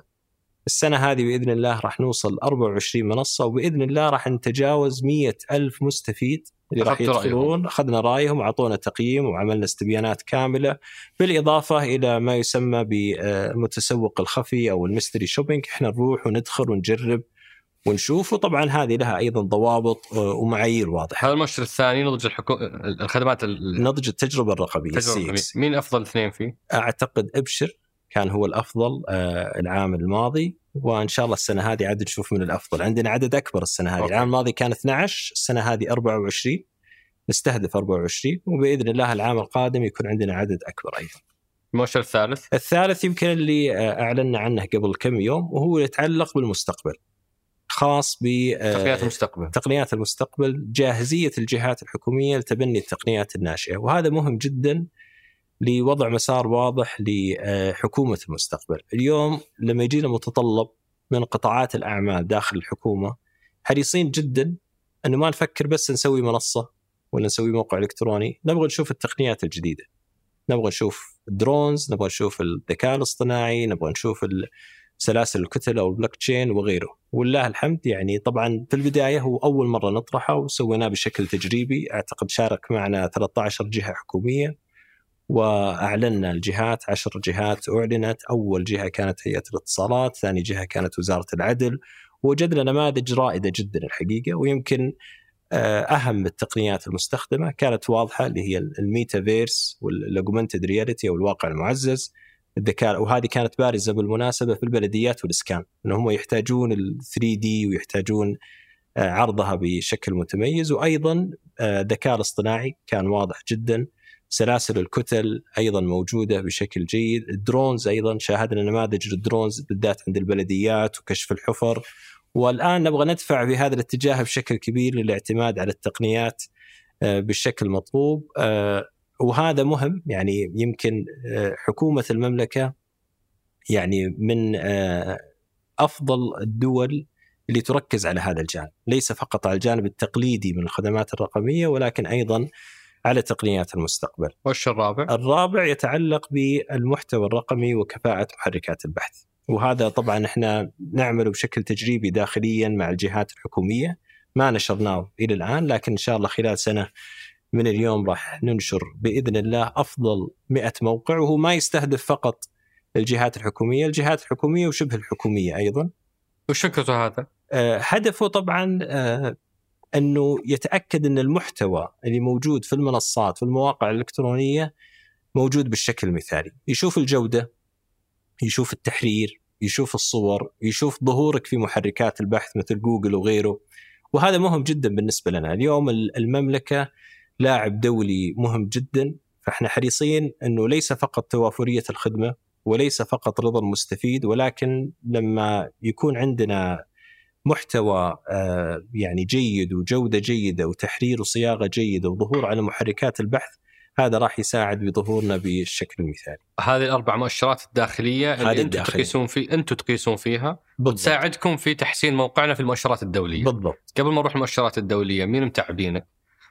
من الأربعة المقصود ولا مين؟ لا مين الجهة الحكومية اللي ما فلحت في الأربعة؟ بالعكس أنا ما في عندنا جهة حكومية ترى. شوي. ابدا بالعكس لا يوجد. وعلى فكرة لما جهة حكومية يعني تطلب دعم ولا جهة حكومية تقول ما أقدر ولا جهة تقول حكومية تقول أبرك الساعات. إحنا عندنا فرق خاصة لدعم الجهات الحكومية والمتابعة معها بالشكل المطلوب، إحنا بالعكس يعني إذا هم ما جونا ترى إحنا نروح لهم، ترى نقول ترى المستفيد عنده ملاحظات في بعض الجوانب اللي تحتاج دعم.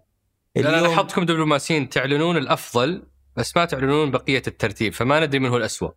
أنا مقصودة هذه؟ أي بلا شك مقصود إحنا, ليش؟ إحنا نعرف من هو ترى اللي في أقل أو أسفل القائمة وداخل الحكومة هذا معروف ويرسل وتعلمونه مراجعته. وتجلسون معاه وتحاولون ويروح له تقرير ويعني فيه تقارير متابعة كاملة بس ما هو ضروري إنه نعلم من هو الأقل إحنا مم. نقول من هو الأفضل عشان نحط المنافسة تحفيز. والتحفيز المنافسة هذه مهمة جدا وشفناها بآخر سنتين وهذا برضو ترى كان يعني من الجوانب اللي فكرنا فيه كثير في البدايات ننشر ولا ما ننشر؟ مم. وكان فيه يعني حوار وجدل كبير يعني داخل الهيئة على هذا الموضوع. أنا كنت أنادي دائما في النشر بعض زملائي يعني كانوا عندهم نوع من التحرج وطبعا وصلنا لآخر صياغة.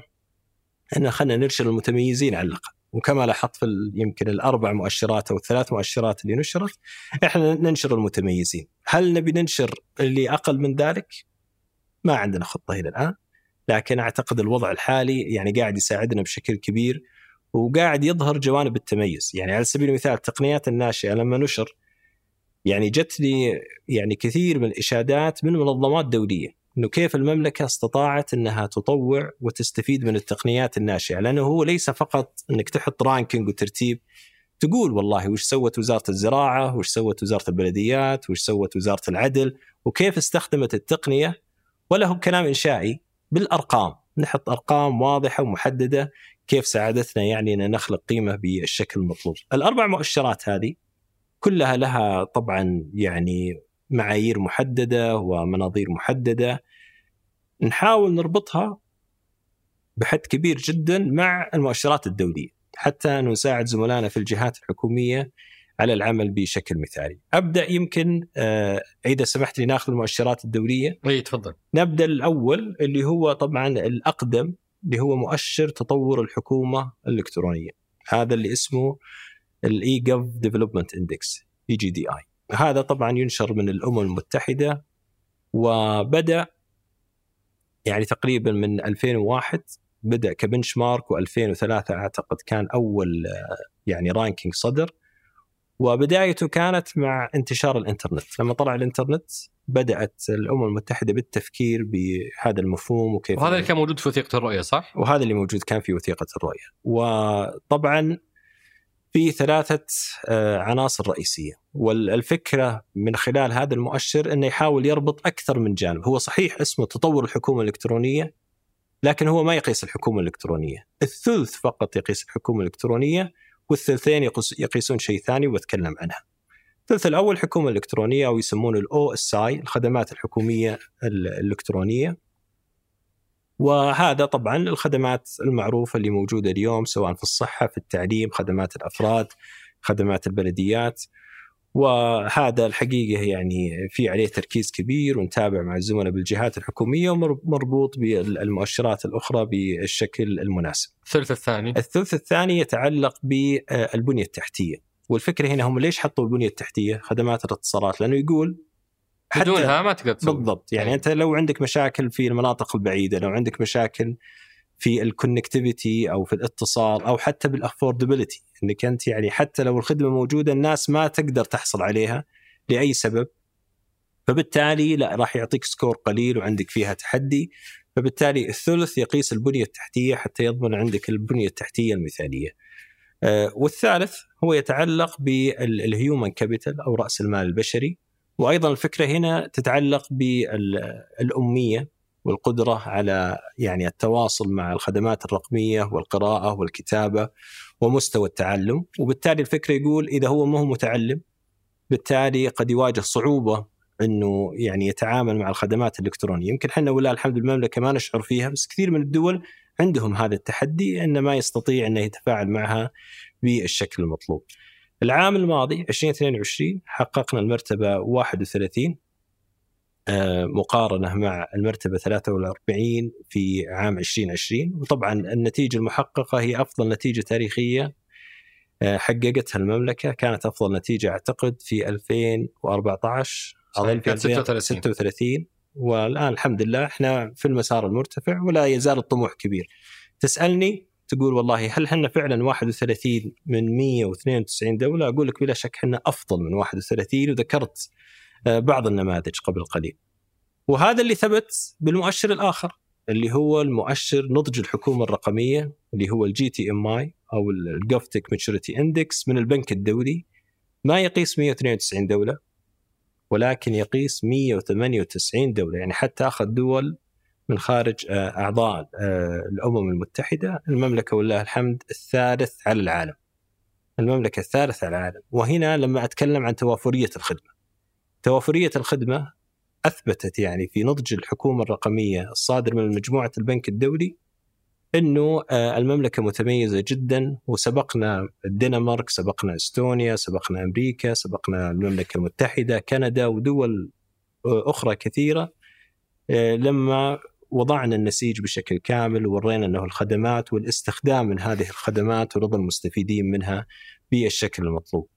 الأول مهم والثاني أيضا مهم. إحنا لا نزال نتابع الأول والثاني وقد هنا يكون في معايير وهنا في معايير. طبعا المعايير في نضج الحكومة الرقمية تختلف شوي آه، أو تختلف كثيرا يعني عن تطور الحكومة الإلكترونية. مين الأول والثاني عفوا في هذا المؤشر؟ الأول كوريا الجنوبية. مم.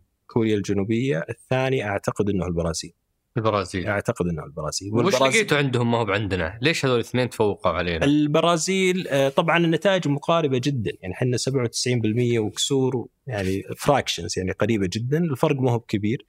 البرازيل متميزة أيضا بتوافرية الخدمة وحالتها يعني فيما يتعلق بتوفير الخدمات مشابهة. كوريا الجنوبية قد يكون عندهم حوكمة يعني أفضل. إحنا تحدثنا قبل قليل عن حوكمة المنصات والجوانب اللي نحتاج نركز فيها. آه، كوريا الجنوبية والدنمارك عندهم هذا التميز يعني ونحتاج إن نصل له بالشكل المطلوب. ولكن إحنا عندنا خدمات أفضل، أنا ذكرت لك قبل قليل على سبيل المثال خدمات البلدية. خدمات البلدية ترى ما هي موجودة هناك، لكنها موجودة في المملكة. بلا شك هذه الدول عندها دروس مستفادة كثير ممكن نتعلم منها ولكن أيضا إحنا عندنا تميز في الخدمات يمكن بشكل أفضل من العديد من النواحي. في مؤشر ثالث سولفنا عليه قبل التصوير م... اللي هو مؤشر الياباني أو آه، في جامعة وسيدة، جامعة وسيدة وطبعا يعجبني جامعة وسيدة، أنا بعض الأحيان أحب أطلع من المنظمات الدولية، المنظمات الدولية لها اعتباراتها الخاصة ولها بعض الجوانب اللي تحتاج يعني عناية مختلفة. لما يجي لك كذا ان جي أو لحاله وقاعد يفصل وعنده هيرتج وعنده المعرفة هي جامعة وسيدة، أيضا. بس جامعة وسيدة طبعا ما يقيس كل الدول، يقيس أفضل الدول المتقدمة في المجال الرقمي. أعتقد إنه يقيس 60 أو 70 دولة. آه، والمملكة أيضا أفضل نتيجة أخذناها في المؤشر العام الماضي أعتقد 25 مرتبة المملكة 25 مقارنة مع أعتقد 52 أو 53 في آه، عام 2020 فهذا أيضا في تقدم. على مستوى المنطقة آه، الصادر من الاسكوا اللي هو الخدمات الإلكترونية والنقالة آه الحمد لله المملكة ما بين 18 دولة على مستوى المنطقة تكلم غرب آسيا وشمال أفريقيا الدول العربية تحديدا المملكة الأفضل على مستوى العالم فإحنا في نضج الحكومة الرقمية من البنك الدولي الأفضل على مستوى المنطقة والثالث على العالم وأيضا الاسكوا أكد إنه المملكة هي الأفضل على مستوى المنطقة. في في يعني أتذكر سولفت مع مع مجموعة أصدقاء على موضوع مهددات وتحديات المرحلة، إحنا نتكلم على يعني اندفاع كبير ورتم سريع باتجاه رقمنة كل الخدمات، كل الأعمال، شفنا إيجابياتها في جائحة كورونا، وش الجانب المظلم أو التهديدات اللي ممكن تواجه رحلة التحول الرقمي في السعودية؟ والله طبعا قد يكون هي تحدي أو مخاطر وبنفس الوقت فرص يعني يمكن لو أذكر منها بذكر يمكن جانبين أو ثلاث جوانب. الجانب الأول هو ضرورة يعني خلق آه، القيمة آه، داخل المملكة ويكون عندنا التوطين المطلوب. يعني اليوم إحنا ذكرنا 20 مليار تصرفها الحكومة على قطاع الاتصالات وتقنيه المعلومات، طيب كم من ال 20 مليار هذا مستورد؟ 68%. مو. فاليوم ثلثين عندنا مستورد. فرصة. إي بالضبط. فاليوم عندك فرصة كبيرة إنك توطن. وطبعا هذا للمتخصصين في المجال ما قد يبدو مفاجئ. إحنا نعرف إن نشتري رخص ونشتري هاردوير و... وكثير من الخدمات الاحترافية قد تجي من خارج المملكة. بس هذا يمثل فرصة نفس الوقت. وهذا بالمناسبة اللي نعمل عليه اليوم في منظومة الاتصالات، منظومة الاتصالات اليوم لا هيئة الاتصالات والحكومة الرقمية، إحنا نشوف ال supply ونشوف ال demand عندنا صندوق خاص للإقراض اللي هو البرنامج الوطني لتنمية تقنية المعلومات.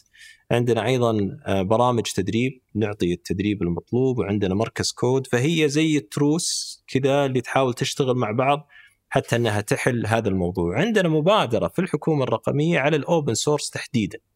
وهذه مبادرة مهمة جدا حتى نضمن إنه يكون عندنا استخدام للتقنيات الوطنية والتقنيات المحلية وسوينا مستودع البرمجيات، اليوم عندك تطبيق open source تبغى الجهات الحكومية تستفيد منه تقدر ترفعه على المستودع وجهة أخرى تاخذ نفس ال source code وتشغله.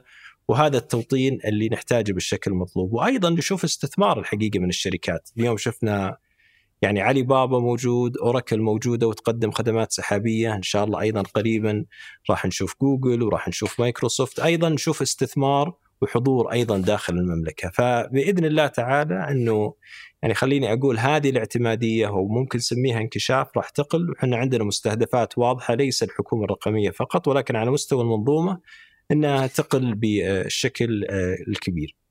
والجانب الثاني طبعا الاستدامة. يعني مهم انه يكون عندك استدامة، أنت تبدأ مشروع مهم التشغيل يكون مستقر ولا يكون عندك آه، أي تحدي فيه من كل الجوانب.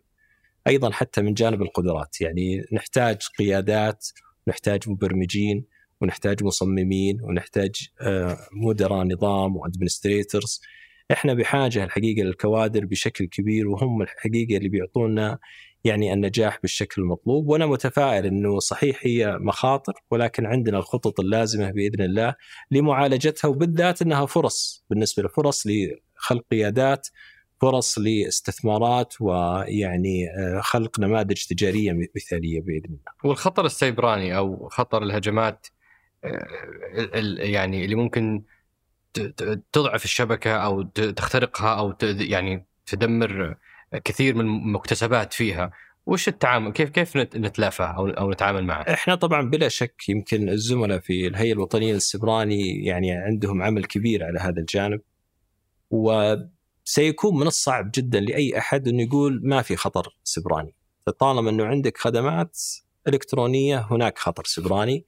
ولكن المملكة يعني الحمد لله عندها يعني مستوى الصمود وال resilience عالي جدا في هذا الجانب وبالمناسبة المملكة الثانية عالميا في مؤشر الأمن السيبراني اللي صادر من ال ITU وهذا يؤكد إنه الحمد لله يعني العمل اللي يقومون فيه الزملاء في الهيئة الوطنية للأمن السيبراني بس زي ما أنتم تشترطون ترخيص يعني تعال قدم علي عشان أعطيك ترخيص تسوي منصة هل تشترطون عليه إنه يجيب تأكيدات أو ضمانات من هيئة الأمن السيبراني ولا إذا خلص منكم يروح لهم وشلون التكامل بينكم وبينهم؟ الزملاء في الهيئة الوطنية للأمن السيبراني عندهم المعايير الأساسية للأمن السيبراني وعندهم أيضا معايير متخصصة مثلا زي العمل عن بعد ومنصات التواصل الاجتماعي وغيره.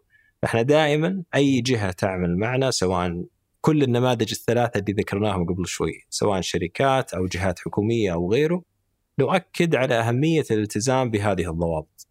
وطبعا الزملاء بالأمن السبراني لا يكتفون فقط بوضع الضوابط ولكن يتابعون الامتثال يروحون للجهات الحكومية ويتابعون امتثالها ويتأكدون إن شاء الله عندنا يعني العمل هذا بشكل مثالي.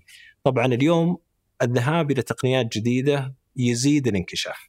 يعني اليوم قد يكون مستوى السيطرة عندنا في يعني الفضاء الرقمي وصل لمرحلة متقدمة جدا بس أنت اليوم قاعد تشوف مثلا الذكاء الاصطناعي كيف إنه يتطور قاعد تشوف والله البلوك تشين كيف إنه قاعد يتطور أو سلاسل الكتل. آه، الذكاء الاصطناعي اليوم نشوف الذكاء الاصطناعي التوليدي وكيف إنه قاعد يغير من كثير من الجوانب ليس فقط على قطاع التعليم ولكن حتى على قطاعات أخرى. شاهدنا نماذج إنه الذكاء الاصطناعي يستطيع إنه يبرمج نفسه وليس فقط يبرمج من خلال آه، شخص يعني أو هيومن فبالتالي هذا يعطيك يعني تحدي ويحتاج تنظيم مختلف ويحتاج امتثال مختلف وهي مرحلة يعني تطور مستمر. نحتاج نتأكد إننا دائما جاهزين لها. آه، هل في عملكم آه، مراعاة أو مسار للأشخاص آه، اللي ما عندهم نضج رقمي؟ نتكلم على كبار السن نتكلم على بعض أصحاب الإعاقات اللي ما يقدرون يخدمون نفسهم في المنصات. هذول اليوم قاعدين يعانون معاناة يعني يشعرون إنهم خارج الدائرة تماما. هم لا يستطيعون يخدمون أنفسهم مضطرين يستعينون بالابن ولا الابنة ولا أحد قريب ولا في ناس يستغلون هذا الاحتياج برسوم معينة. تعال أنا أنجز لك خدمة معينة. هل في توجه لمركز أو مكان للي ما يعرف يتعامل مع جوال ومنصه أبي أجي أشوف إنسان قدامي اخلص معه خدمتي وأمشي أو يساعدني. كل يعني ما شاء الله الوالدة الله يحفظها عندي الظاهر 3000 آه، رقم سري للأبشر حقها. كل شوي يتغير لأنها تنسى ثم تطلب وكل غدا جمعة حيجي واحد من اخواني يحاول يساعدها ولا الومهم يعني هذا بالنسبة لهم آه، نقلة جديدة تماما. فهذه الشريحة وش الشيء اللي بيقدم لهم خلال هالمرحلة عشان ما نكون نسيناهم؟ إحنا طبعا الشمولية أحد أبرز الأهداف اللي عندنا واليوم جزء من المعايير اللي نتابعها على المنصات والمواقع بعض الخصائص أو المميزات اللي تساعد يعني هذه الفئة وطبعا احتياجاتهم مختلفة كبير السن غير الصم غير البكم والكل له احتياجات والكل يعني تعطى مزايا مختلفة يعني على الموقع بحيث إنك كيف تتعامل مع الخدمات سواء في القراءة أو حتى ال voice إذا كان في audio وتستطيع إنك تتعامل معه بالشكل المطلوب. ولكن لا نزال مقصرين، أيضا هذه أحد المناطق اللي نحتاج نعمل فيها خلال الفترة الجاية. وعندنا إن شاء الله برنامج قريبا بيطلق فقط لهذه الفئة اللي قد إنها تحتاج دعم ولن تكون فقط من الحكومة الرقمية أيضا مع زملائنا في وزارة الموارد البشرية والشؤون الاجتماعية حتى يكون في لها التركيز المطلوب. آه، سواء كان تقديم المزايا والخصائص للقدرة على التفاعل مع المنصة الرقمية أو القناة الرقمية أو حتى توفير دعم من خلال مثلا مركز اتصال أو خلافه من جوانب اللي يساعد يعني هذه الفئة لدعمها بالشكل المطلوب. فهذه في البال موجودة عندنا بلا شك بلا شك ممتاز يا ريت والله إنهم فعليا لا, لا يجب أن يظلمون في الرحلة التحولية. أنا ودي أختم معك أبو صبا وأقول لك وين رايحين؟ وش هو مشروعنا؟ أنت أول تفضل اشرب الشاي عشان تروق وتعطينا إجابة ختامية رهيبة. أنت أول محافظ لهيئة الحكومة الرقمية. في التاريخ سيكتب أنه بصبة هو أول واحد وبالتالي وضعت لبنات لعمل سيأتي من بعدك ويبني عليه وكما هي بقية الجهات الحكومية. إيش هو مشروعنا؟ إيش هو الحلم الكبير في موضوع الحكومة الرقمية؟ وين نبي نكون في 2030؟ وصف لي تجربتي أنا يا عمر ولا ولدي وبنتي في ذلك الوقت إيش هو شكل الحكومة الرقمية؟ ممتاز. وهذا سؤال مهم جدا يعني نحو المستقبل. وأنا أبغى أقول الوسائل تتغير ولكن الأهداف يمكن ما تتغير بشكل كبير، الأهداف هي نفسها كفاءة أفضل وإنتاجية وأيضا تجربة. الوسائل تتطور مع التقنيات الجديدة ومع العمل الكبير، لما أتكلم عن التجربة زي ما تكلمنا قبل شوي، إحنا تركيزنا بشكل كبير على الحكومة الشاملة توحيد التصاميم تقليل المنصات آه، كيف العمل يكون من خلال مكونات مشتركة وأيضا رحلات حياة مترابطة. لا يهم الجهة الحكومية ولا يهم المنصة كيف أنك أنت تأخذ التجربة المثالية بالشكل المطلوب. الإنتاجية هي بلا شك التقنيات الناشئة. اليوم آه، عندنا عملية تحول كبيرة باتجاه التقنيات الناشئة. إحنا لا نرغب فقط يكون عندنا منصات. نرغب تكون إنتاجيتنا أفضل باستخدام أحدث التقنيات ولذلك وضعنا لها مؤشر خاص وبرنامج خاص آه، لمتابعتها. وأيضا الكفاءة من خلال الشراكة مع القطاع الخاص وتحديدا في مسار المشتريات والاستثمار ومشاركة القطاع الخاص نبغى كفاءتنا تكون أفضل من خلال مشاركة القطاع الخاص ومن خلال الاعتماد على الخدمات السحابية وإحنا بالمناسبة نستهدف في 2030 انه 80% من آه، الخدمات الحكومية الرقمية تكون مستضافة على السحابات بحول الله تعالى وهدفنا المرحلي في 2025 إنها تكون 50% واليوم؟ اليوم تقريبا إحنا حوالي 30% أو 35% يعني ما بين هالرقمين. فإحنا نحتاج إنه نصل إن شاء الله إلى اعتمادية أكبر عليها وبالتالي يكون عندنا كفاءة وتركيز على الأعمال آه، الخاصة بالحكومة. ودائما إحنا نؤكد على مركزية المستفيد إحنا اليوم تطلعات المواطن السعودي كبيرة جدا والتطلعات هي اللي تدفعنا إلى الأمام بلا شك وحريصين جدا على توفير أفضل خدمات وأفضل التجارب بحول الله تعالى خلال السنوات القادمة. كم رحلة حيكون عندنا؟ كم رحلة عمر؟ حن حنا أعتقد إن بنوصل حوالي 15 رحلة. 15 رحلة 15 تختصر رحلة. أهم تختصر الخدمات اللي يحتاجها يعني طبعا سواء كانت لأفراد ولا حتى لأعمال وبالتالي يعني تعطيه الخدمة بالشكل المثالي. كم منصه في 2030؟ آه أنا أعتقد بيكون عندنا نوعين من المنصات، منصات خدماتية ومنصات معلوماتية، معلوماتية موقع عادي في أخبار في المنصات الخدماتية بإذن الله تعالى لن تتجاوز 200 منصة وتشمل القطاعية وعلى حسب الاحتياج، الباقي راح يكون آه، فقط خدماتية. وبالمناسبة معلوماتية معلوماتية. إيه. وبالمناسبة يعني عندنا اليوم خدمة مهمة جدا. اللي هي خدمة بلاغ رقمي وخدمة بلاغ رقمي تساعدنا على الاستماع بالشكل المثالي للمستفيدين. كيف, كيف ثلاث أنواع. وشلون تشارك؟ طبعا من خلال مركز أمر الاتصال أو من خلال منصة قبضه السي وهي ثلاثة أنواع رئيسية، النوع الأول إذا عندك شكوى يعني حاولت الحصول على استجابة من الجهة مقدمة الخدمة بس ما في استجابة تستطيع إنك تتواصل وتصعد الشكوى، هذا النوع الأول. النوع الثاني إنك تبلغ على خدمة ورقية تقول والله الخدمة هذه عند الجهة الفلانية المقدمة الخدمة لا تزال ورقية أو طلبوا مني الحضور إلى الإدارة أو الجهة المسؤولة آه، داخل هذا هذا الجهاز. والنوع الثالث في خدمة رقمية ولكن عندك فكرة لتطويرها، تحس إنه والله أعتقد تصميمها ممكن يكون أفضل، تقليل عدد الخطوات، الاعتماد مثلا على سمات حيوية، عطنا اقتراحك.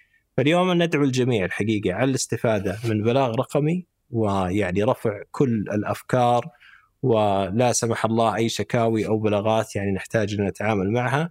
وهذا التواصل وهذه الشراكة والمشاركة الإلكترونية المطلوبة الحقيقة مع كل المستفيدين. أه إحنا المفروض في 2030 نكون ضمن أفضل خمس دول. اللي اليوم إحنا ترتيبنا 31 صح؟ في هذا المؤشر. 31 في هذا المؤشر بس في مؤشر آخر إحنا الثالث اللي هو نضج الحكومة الرقمية.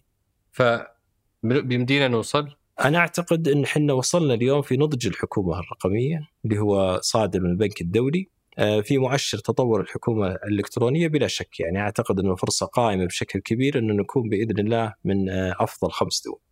آه خليني أختم وأقول آه، إيش الفرق بين مقابلتنا الأولى في سبتمبر آه كوكيل وزارة المالية ذلك الوقت ومسؤول عن منصة اعتماد وبين مقابلتنا اليوم مع آه معالي محافظ هيئة الحكومة الرقمية. أنت ما خليتني أقول شيء عن وزارة المالية بالمناسبة، أي. يعني وزارة المالية ما ننساهم يعني الزملاء يقومون ومستمرين بالقيام بعمل رائع جدا معالي أبو فيصل الجدعان وفريقه في منظومة المالية واعتماد اليوم يتطور بشكل كبير بالمناسبة تحول إلى مركز نظم الموارد المركز الوطني لنظم الموارد الحكومية وهذا فريد يمكن ما بين حكومات حول العالم وهذا المركز يساعد بشكل كبير. هذا ال ERP حقنا صح؟ هذا ال ERP واللي هو يدير الإيرادات ويدير الرواتب ويدير يعني أعمال كبيرة يعني تخص الحكومة.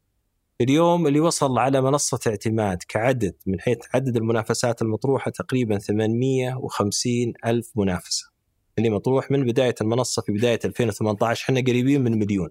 فتشوف حجم الفرص اللي اليوم تقدمها المنصة للقطاع الخاص ومستوى الشفافية العالي. قلبك مع اعتماد ما زال أه والله بالأكيد. أنا كنت في الدنمارك قبل آه، أسابيع والتقيت مع وزارة المالية المسؤولين في وزارة المالية الدنماركية. الدنمارك عمر أفضل دولة في المؤشر الخاص بتطور الحكومة الإلكترونية من ال UN أفضل دولة. ال e-government ال e- اليوم في الدنمارك وكنا نتحدث عن عملية إعداد الميزانية وتحديدا في المناقشات. كنت أسألهم وشلون تبدون المناقشات مع الجهات وتحددون التكاليف المطلوبة اللي تبين كالتالي. لا يوجد دورة رقمية من آه، الطرح إلى الشراء إلى الدفع. عند الدنمارك. كل جهة تعمل وحدها بعض الجهات عندها خدمات رقمية بعض الجهات ما عندها فلا تتوفر لديهم. لا يوجد لدى وزارة المالية هناك سجل موحد للعقود والالتزامات. سالته قلت أول ما تبدأ تناقش تبي تقول وين العقود وين السجل؟ حتى إني أستطيع اعرف التكاليف والالتزامات اللي عليك. لا يوجد. يعتمد على المدخلات من الجهة الحكومية. وأيضا لا يمكن الدفع بشكل مباشر من القطاع الخاص. اليوم حنا في منصة اعتماد بقيادة الزملاء المتميزين حتى القطاع الخاص يرفع على المنصة الفواتير وهذا غير موجود في كثير من دول العالم المتقدم. اليوم القطاع الخاص يدخل على منصة اعتماد وهو اللي يقوم برفع الفواتير. فاليوم بلا شك في تميز كبير بس نشيد فيهم عشان ما ننساهم. ويعني ما في شك لهم فضل كبير بعملية التطوير وهم جزء من الحكومة الرقمية، الفرق كبير طبعا، اليوم إحنا كنا نتكلم عن ال public finance ولا المالية العامة، اليوم كل القطاعات سابقا المالية العامة وتشغيل، اليوم تنظيم وإشراف وكل القطاعات. واليوم يمكن عمل كبير على المؤشرات الدولية بدعم الجميع. وهي رحلة مستمرة يعني. ويمكن اليوم ثاني لقاء معك ولكن إن شاء الله بيكون معك لقاء ثالث قبل 2030 بإذن الله. بإذن الله تعالى. نسعد بك دائما أبو صبا. شكرا على قبول الدعوة. ونستناك تساعدنا في آه، إقناع باقي قيادات أنا متأكد إنه يسعدهم نتشرف فيهم ونتشرف بك. بإذن الله. الله يحييك شكرا أبو شرفتنا شرفتنا عمرك الساعة. الله يحفظك. تسلم. شكرا لكم.